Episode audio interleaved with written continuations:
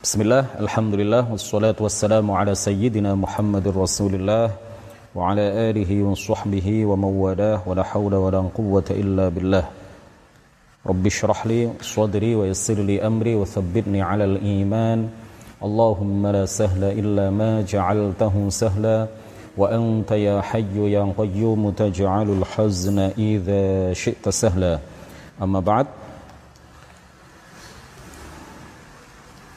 Ini adalah pertemuan ke-30 dari kajian kitab Matan Jauharah At-Tauhid karya Syekh Ibrahim Al-Laqani Al-Misri. Kita telah sampai pada bait nazam ke-41. Di pertemuan 30 ini kita telah sampai pada bait nazam ke-41. Qala al-muallifu rahimahullahu ta'ala wa nafa'ana bihi wa bi'ulumihi wa amaddana bi amdadihi وأفاض علينا من بركاته آمين ونزه القرآن أي كلامه عن الحدوث واحذر انتقامه وكل نص للحدوث دل احمل على اللفظ الذي قد دل ونزه القرآن أي كلامه terkait dengan kalamullah subhanahu wa ta'ala beberapa poin penting diantaranya sudah kita jelaskan saat kita membahas tentang sifat kalam Allah Subhanahu wa taala beberapa pertemuan yang lalu. Di sini dipertegas kembali oleh pengarang kitab ini wa nazzihil qur'ana ay kalamah. Wa nazzihil qur'ana ay kalamah. Wa nazzih dan sucikan yakinilah kesucian. Al-Qur'an Al-Qur'an. Ay kalamah yakni kalamnya. Yakni kalamnya. Yang merupakan sifat bagi zatnya. Yang azali. Yang abadi. Yang tidak berupa suara tidak berupa huruf, tidak berupa bahasa. Anil huduthi dari tanda-tanda kebaharuan dari ciri-ciri kebaharuan. Al-huduth itu artinya adalah al-wujud al-wujud ba'dal adam. Jadi kalau dikatakan al-huduth itu artinya adalah apa? Al-wujud ba'dal ba'dal adam. Ada setelah tiada. Apa itu yang ada setelah tiada? Makhluk ya. Sucikan kalamnya sucikan kalam Allah dari tanda-tanda hudus dari tanda-tanda kebaharuan dari ciri-ciri makhluk dari sifat-sifat makhluk seperti suara bahasa huruf uh, al-istinaf dimulai kemudian al-inqita berakhir itu semuanya adalah ciri-ciri hudus ya. Ciri-ciri makhluk. Sucikan kalam Allah yang merupakan sifat bagi zatnya dari ciri-ciri makhluk dari sifat-sifat makhluk. Seperti huruf, suara, bahasa dimulai, diakhiri terjeda dan lain sebagainya kalam Allah maha suci dari itu semuanya. Wahdharin tiqamah wahdharin tiqamah wa nazzihil qur'ana ay kalamah. Anil anil huduthi wahdharin tiqamah wahdhar dan takutlah. Wahdhar ay khaf takutlah waspadalah. Intiqamah siksa Allah Subhanahu wa taala kepadamu jika engkau meyakini bahwa sifat kalam Allah Subhanahu wa taala tidak qadim atau e, bersifat dengan sifat-sifat makhluk. Wa kullu nassin wa kullu nassin dan setiap nas dan setiap nas syar'i Quran hadis ya wa kullu nassin lil huduthi dalla ihmil 'ala al-lafdhi alladhi qad dalla wa kullu nassin dan setiap nas. Bil huduthi dalla yang secara zahir yang secara zahir menunjukkan atas kebaharuan kalam Allah yang zati setiap nas yang zahirnya menunjukkan atau memberikan persangkaan atas kebaharuan kalam Allah Subhanahu wa taala adzati kalam Allah yang merupakan sifat bagi zatnya. Ihmil. Ini terjemahan dulu ya kita terjemahkan dulu nanti kita kita jelaskan. Ihmil maka pahamilah. Pahamilah nas itu. Ihmil maka pahamilah nas itu. Ala lafzi alladhi qaddalla pahamilah nas itu ala lafzi atau apa? Bawalah pemahaman nas itu ala lafzi kepada lafat kepada Al-Qur'an yang dengan makna lafat yang diturunkan oleh Allah Subhanahu wa taala kepada Nabi Muhammad sallallahu alaihi wasallam alladzi qaddalla yang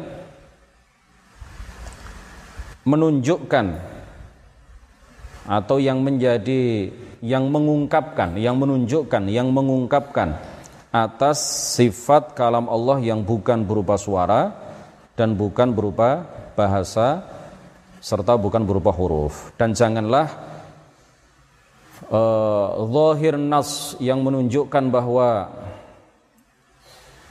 kalam Allah yang azali ya zahirnya itu menunjukkan bahwa kalam Allah yang azali itu memiliki permulaan janganlah dipahami seperti itu. Janganlah dipahami seperti seperti itu. Nah pada saat kita membahas tentang sifat kalam Allah Subhanahu wa taala kita telah menyampaikan dan insya Allah kita sudah paham sepaham-pahamnya.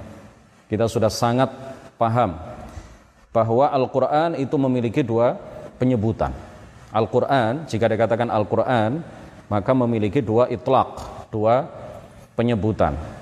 Memiliki dua makna. Yang pertama adalah itlaquhu ala kalamillahi dzati al-azali al-abadi alladhi la yatajazza wa la yataba'ad.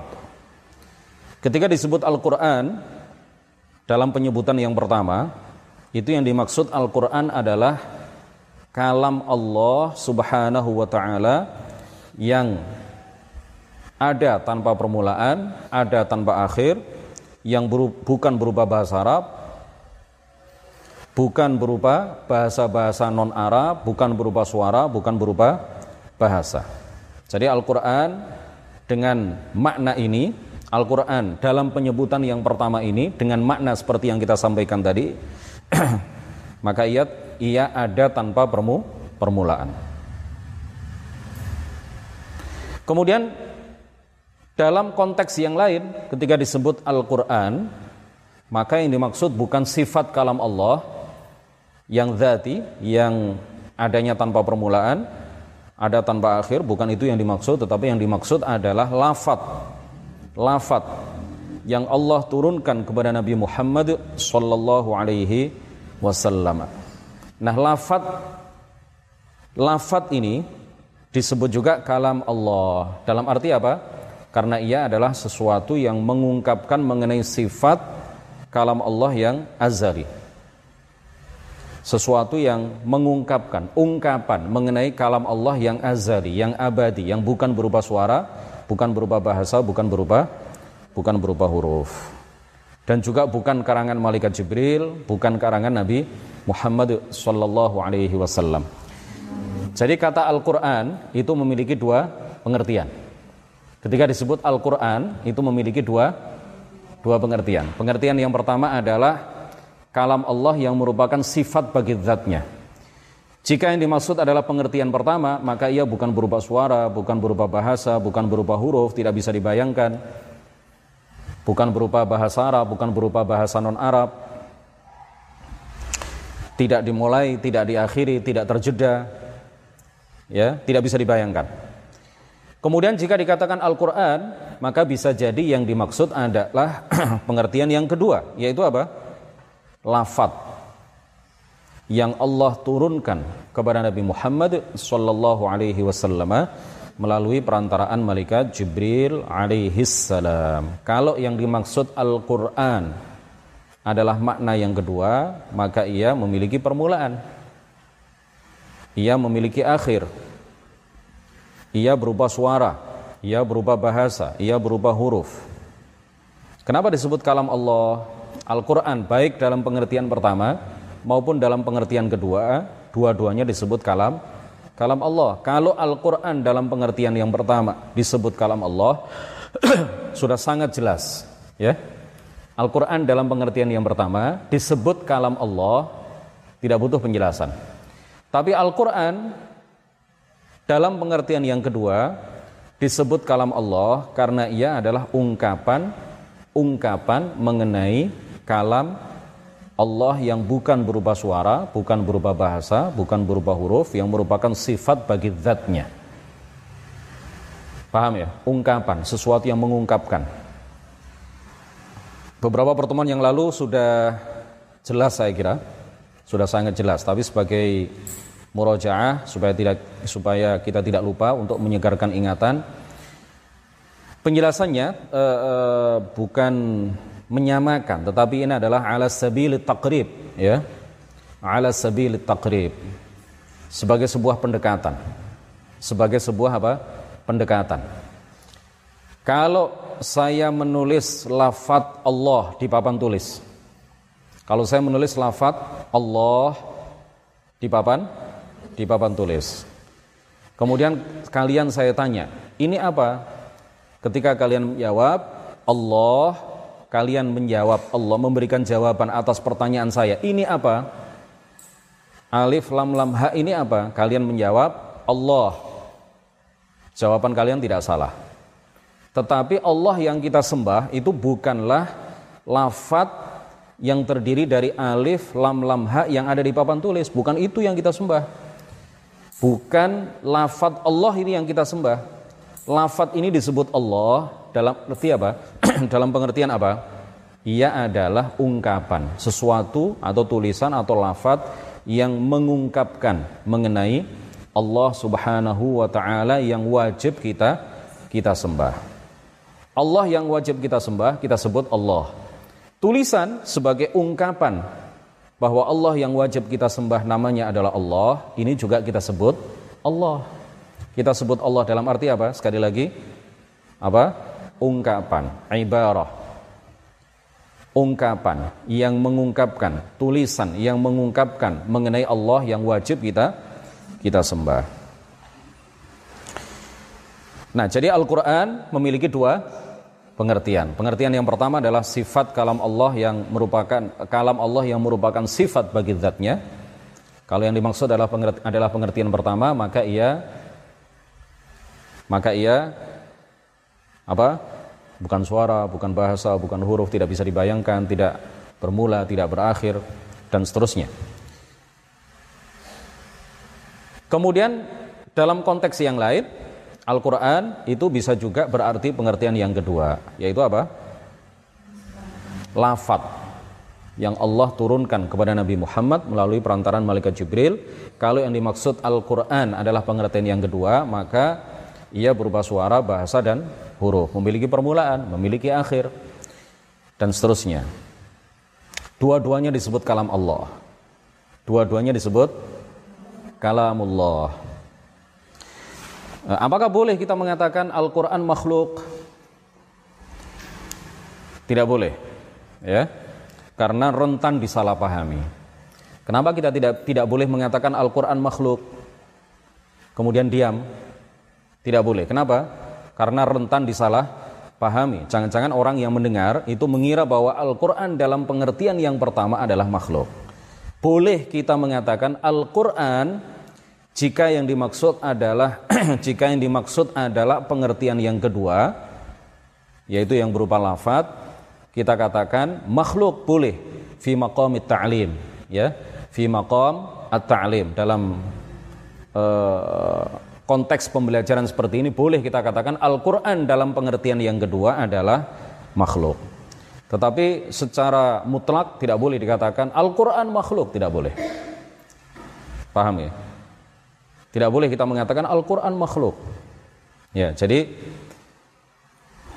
uh, umumnya orang memang umumnya orang itu kalau mendengar Al-Quran maka yang dimaksud adalah uh, uh, pengertian yang kedua Ya, kalau dimaks kalau yang disebut Al-Qur'an, orang itu ketika mendengar kata Al-Qur'an pertama kali disebut, maka pikirannya akan lari ke Al-Qur'an yang berupa lafaz. Meskipun demikian, tidak boleh kita mengatakan secara mutlak Al-Qur'an makhluk karena apa?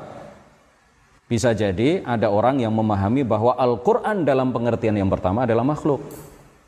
Dan itu nggak boleh disebut disebut seperti itu, kufur itu bahkan ya. Nah, begitu juga kalamullah. Jadi kalau Al-Qur'an memiliki dua pengertian, kalamullah itu juga memiliki dua dua pengertian. Jadi kata kalamullah, kalam Allah itu juga memiliki dua dua pengertian. Pengertian yang pertama ya sama dengan tadi. Pengertian yang pertama, jika disebut kalamullah, maka yang dimaksud adalah sifat kalam Allah. Jika yang dimaksud dengan kata kalamullah adalah sifat kalam Allah, maka ia bukan berupa suara, bukan berupa bahasa, bukan berupa bukan berupa huruf. Tidak bermula, tidak berakhir, tidak terjeda dan seterusnya. Dan bisa jadi dalam konteks tertentu jika disebut kalamullah maka yang dimaksud adalah lafat lafat yang Allah turunkan kepada Nabi Muhammad sallallahu alaihi wasallam melalui perantaraan malaikat Jibril alaihi salam atau lafat yang Allah turunkan kepada Nabi Musa yang kemudian disebut tahu Taurat, lafat yang Allah turunkan kepada Nabi Isa yang kemudian disebut Injil, lafat yang Allah turunkan kepada Nabi Dawud yang kemudian disebut sebagai apa kitab Zabur. Nah, berbeda dengan Al-Qur'an. Kalau disebut Al-Quran kalau disebut Al-Quran maka orang akan memahami ketika lafat Al-Quran itu disebut maka yang pertama kali dipahami oleh seseorang adalah pengertian yang kedua. Berbeda dengan kalam Allah. Ketika pertama kali disebut kalamullah maka yang pertama kali dipahami adalah pengertian yang per pertama. Makanya nggak boleh kita mengatakan secara mutlak Al-Qur'an makhluk atau Al-Qur'an e, atau kalam Allah misalkan bukan makhluk ya. E, kita kalau kalau mengatakan makhluk misalkan kita perjelas, kita perjelas Al-Qur'an dalam pengertian yang kedua adalah makhluk benar. Ya, tetapi ini tidak boleh disampaikan kepada sembarang orang. Karena rentan disalahpahami. Boleh disampaikan dalam ta'lim-ta'lim seperti ini fi maqamit ta'lim dalam forum-forum terbatas dengan niat menyampaikan uh, rincian ya dengan niat menyampaikan rincian dengan niat menyampaikan penjelasan secara rinci bahwa Al-Qur'an itu bisa juga berarti lafat yang Allah turunkan kepada Nabi Muhammad sallallahu alaihi wasallam. Bait nazam ke-43 wa yastahilu diddu dhis sifati fi haqqihi kal kauni fil jihati sifati fi haqqihi kal kauni fil jihati wa yastahilu wa yastahilu dan mustahil diddu dhis diddu dhis sifati wajib diyakini bahwa Allah Subhanahu wa taala mustahil baginya. Baik secara akal, secara akli maupun secara syar'i, baik aklan maupun syara'an. Mustahil bagi Allah Subhanahu wa taala diddu sifati bersifat dengan kebalikan dari sifat-sifat yang telah disebutkan. Ya, kebalikan dari sifat wujud apa? adam. Kebalikan dari sifat qidam apa? Hudus. Ya, mustahil Allah bersifat adam. Mustahil Allah itu tiada. Wajib secara akli bahwa Allah itu ada. Mustahil tia, tiada. Wajib secara akli bahwa Allah ada tanpa permulaan. Mustahil Allah memiliki permulaan, hudus. Wajib secara akli bahwa Allah Subhanahu wa taala berbeda dengan segenap makhluk, mustahil baginya mumatsalatuhu lil hawadith dan begitu seterusnya. Fi haqqihi bagi Allah Subhanahu wa taala mustahil mustahil bagi Allah, mustahil atas Allah Subhanahu wa taala uh, bersifat dengan kebalikan dari sifat-sifat yang telah disebutkan. Sifat 20 atau menurut sebagian ulama sifat 13. Kal kauni fil jihadi seperti berada di arah baik di satu arah maupun semua arah. Mustahil bagi Allah berada di suatu arah. Mustahil Allah berada di arah atas. Mustahil Allah berada di arah bawah. Mustahil Allah berada di arah kanan, mustahil Allah berada di arah kiri. Mustahil Allah berada di arah depan, mustahil Allah berada di arah belakang. Atau juga mustahil bagi Allah Subhanahu wa taala baik secara akli maupun secara syar'i, aklan wa syara'an berada di semua arah. Mustahil Allah berada di suatu tempat dan mustahil Allah berada di semua tempat. Mustahil juga Allah berada di suatu tempat yang kita tidak tahu tempatnya. Itu semuanya mustahil. Yang diajarkan oleh para ulama, yang disepakati oleh para ulama bahwa Allah Subhanahu wa taala ada tanpa ada tanpa tempat. Allah tidak berada di suatu di suatu tempat. Nah, ini harus terus kita sampaikan ya. Terutama pada bulan Rajab, terutama menjelang perayaan Al-Isra wal Mi'raj. Orang-orang Wahabi menggunakan kesempatan perayaan, momen perayaan atau peringatan Isra dan Mi'raj itu untuk mendengung-dengungkan, menggembar-gemborkan, mempropagandakan, terus menyampaikan, memviralkan ajaran mereka bahwa Allah di atas, bahwa Allah di langit, bahwa Allah di arsh, mereka menggunakan kesempatan momen Rojab ini, momen perayaan Maulid, uh, uh, perayaan Isra dan Mi'raj ini untuk menyampaikan akidah mereka yang menyatakan bahwa Allah di atas, atau terkadang mereka mengatakan Allah di langit, atau terkadang mereka mengatakan Allah di atas arash. Nah kita yakini bahwa sebagaimana diyakini, di, diajarkan oleh para ulama ahli sunnati wal jamaah, bahwa Allah subhanahu wa ta'ala ada, tetapi keberadaannya tidak di suatu arah. Di sini disebutkan apa?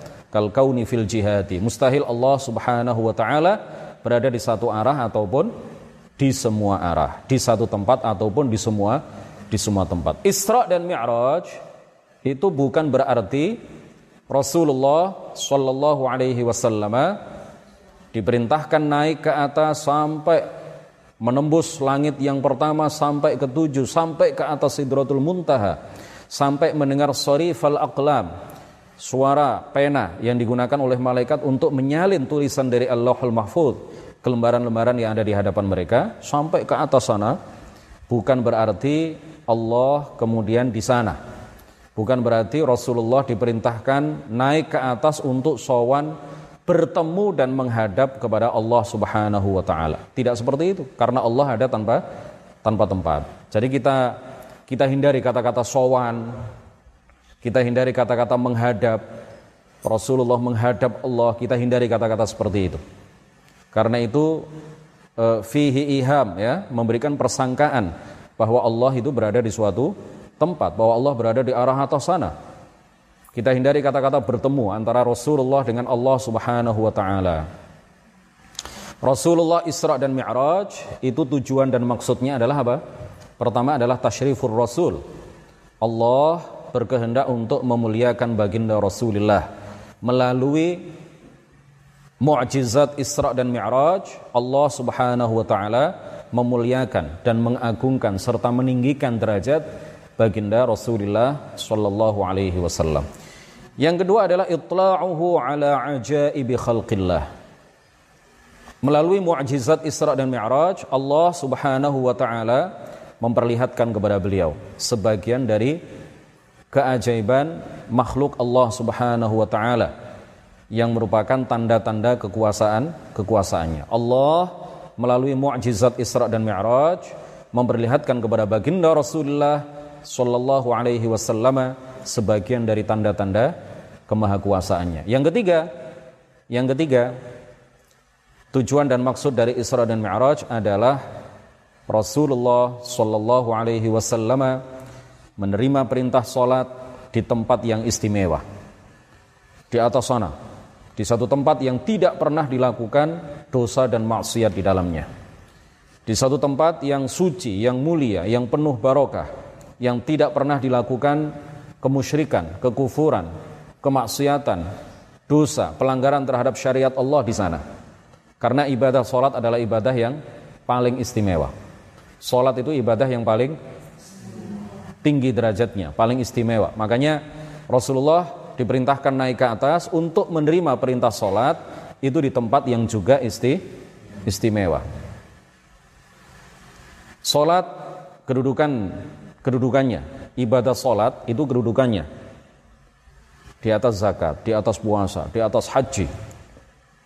Ya, solat itu adalah ibadah yang paling istimewa. Makanya perintah solat itu juga diberikan kepada baginda Rasulullah Sallallahu Alaihi Wasallam di satu tempat yang istimewa di atas Sidratul Muntaha, di atasnya lagi. Nah ini ya yang e, harus terus kita ajarkan kepada masyarakat luas, kepada orang tua kita, kepada tetangga kita, kepada orang-orang yang kita cintai bahwa Allah Subhanahu wa taala ada tanpa membutuhkan kepada kepada tempat. Jangan sampai kita kalah dengan orang-orang Wahabi. Orang-orang Wahabi itu tidak pernah berhenti menyampaikan bahwa Allah itu di atas. Ini kan jelas tidak benar ya. Tetapi ketidakbenaran, hoax, jika disampaikan terus-menerus, lama-kelamaan kita khawatirkan akan dianggap sebagai sebuah kebenaran oleh publik. Dianggap sebagai sebuah kebenaran oleh khalaya, oleh umat. Ini yang kita khawatirkan, ini yang berbahaya. Makanya jangan sampai kita berhenti untuk menyampaikan bahwa Allah ada tanpa tempat. Karena mereka juga tidak pernah berhenti untuk menyampaikan bahwa Allah di atas. Paham? Jelas? sampaikan ya jangan sampai kemudian kita menganggap ah tetangga saya sudah tahu bahwa Allah itu tak ada tanpa tempat ya umat sudah tahu publik sudah tahu khalayak ramai sudah tahu bahwa Allah ada tanpa tempat ya sekarang era milenial ini banyak teman-teman kita yang belajar ilmu agama itu bukan dari bukan di dunia nyata tetapi dari dunia dunia maya. Ya secara instan mereka ingin misalkan mengetahui kajian tentang Isra dan Mi'raj di browsing di YouTube atau di internet ditulis kajian Isra dan Mi'raj di YouTube. Yang pertama kali muncul video yang paling atas adalah video ceramah seorang tokoh Wahabi yang kedua juga adalah Wahabi yang ketiga Wahabi sampai ke 10 ke 11 ke 12 ke 13 baru urutan di urutan 17 baru kemudian muncul video kajian Isra dan Mi'raj yang disampaikan oleh tokoh-tokoh NU, tokoh-tokoh ahlu sunnati wal jamaah. Nah ini yang dikhawatirkan. Makanya jangan menganggap umat itu sudah tahu. Kita sampaikan terus. Minimal dalam mukaddimah. Ya, saya kalau nulis khutbah, saya kirim ke NU online itu sering kali dalam mukaddimah, mukaddimah khutbahnya itu uh, bukan mukaddimah ya, gak sama dengan sambutan ini. Dalam rukun-rukun khutbahnya itu pada khutbah yang pertama saya tulis alhamdulillahil mawjudi azzalan wa abadan bila makan misalkan alhamdulillahi mukawwinil akwan al mawjudi azzalan wa abadan bila makan. Kadang-kadang saya saya kutip uh, apa yang dikatakan oleh Mbah Hashim Asy'ari. La syarika lah al munazzahu 'anil jismiyyati wal jihati waz zamani wal makan. Wa asyhadu anna sayyidana wa maulana Muhammadan abduhu wa rasuluh alladzi kana khuluquhul Qur'an misalkan ya. Puji syukur kita haturkan kepada Allah misalkan dalam pidato-pidato kalian, latihan-latihan pidato ya. Latihan-latihan uh, khitobah para santri itu dibiasakan dalam mukaddimahnya itu ada diselipkan akidah-akidah ahli sunnati wal jamaah. Puji syukur marilah kita haturkan kepada Allah Subhanahu wa taala sang pencipta zaman, sang pencipta tempat, yang ada tanpa tempat, yang tidak diliputi oleh masa dan seterusnya ya. Bikin kata-kata yang indah. Bikin kata-kata yang indah, mukaddimah Mbak Nana ya. Diselipkan di dalamnya akidah bahwa Allah ada tanpa tempat. Mbak Ines, Mas Hafid ya di di hari apa kalau khitobah itu latihan pidatonya hari apa? Hari Kamis malam Jumat. Bikin mukaddimah ya di, diselipkan di dalamnya akidah ahli sunnati wal jamaah bahwa Allah ada tanpa tempat bahwa yang dimaksud Isra dan Mi'raj itu bukan berarti Allah di atas, kemudian Rasulullah diperintahkan naik ke atas untuk sowan bertemu dan menghadap Allah Subhanahu wa taala. Bukan itu. Tujuan dari Isra dan Mi'raj karena Allah ada tanpa tempat. Allah ada tanpa tanpa arah. Tidak boleh diyakini bahwa Allah itu bertempat.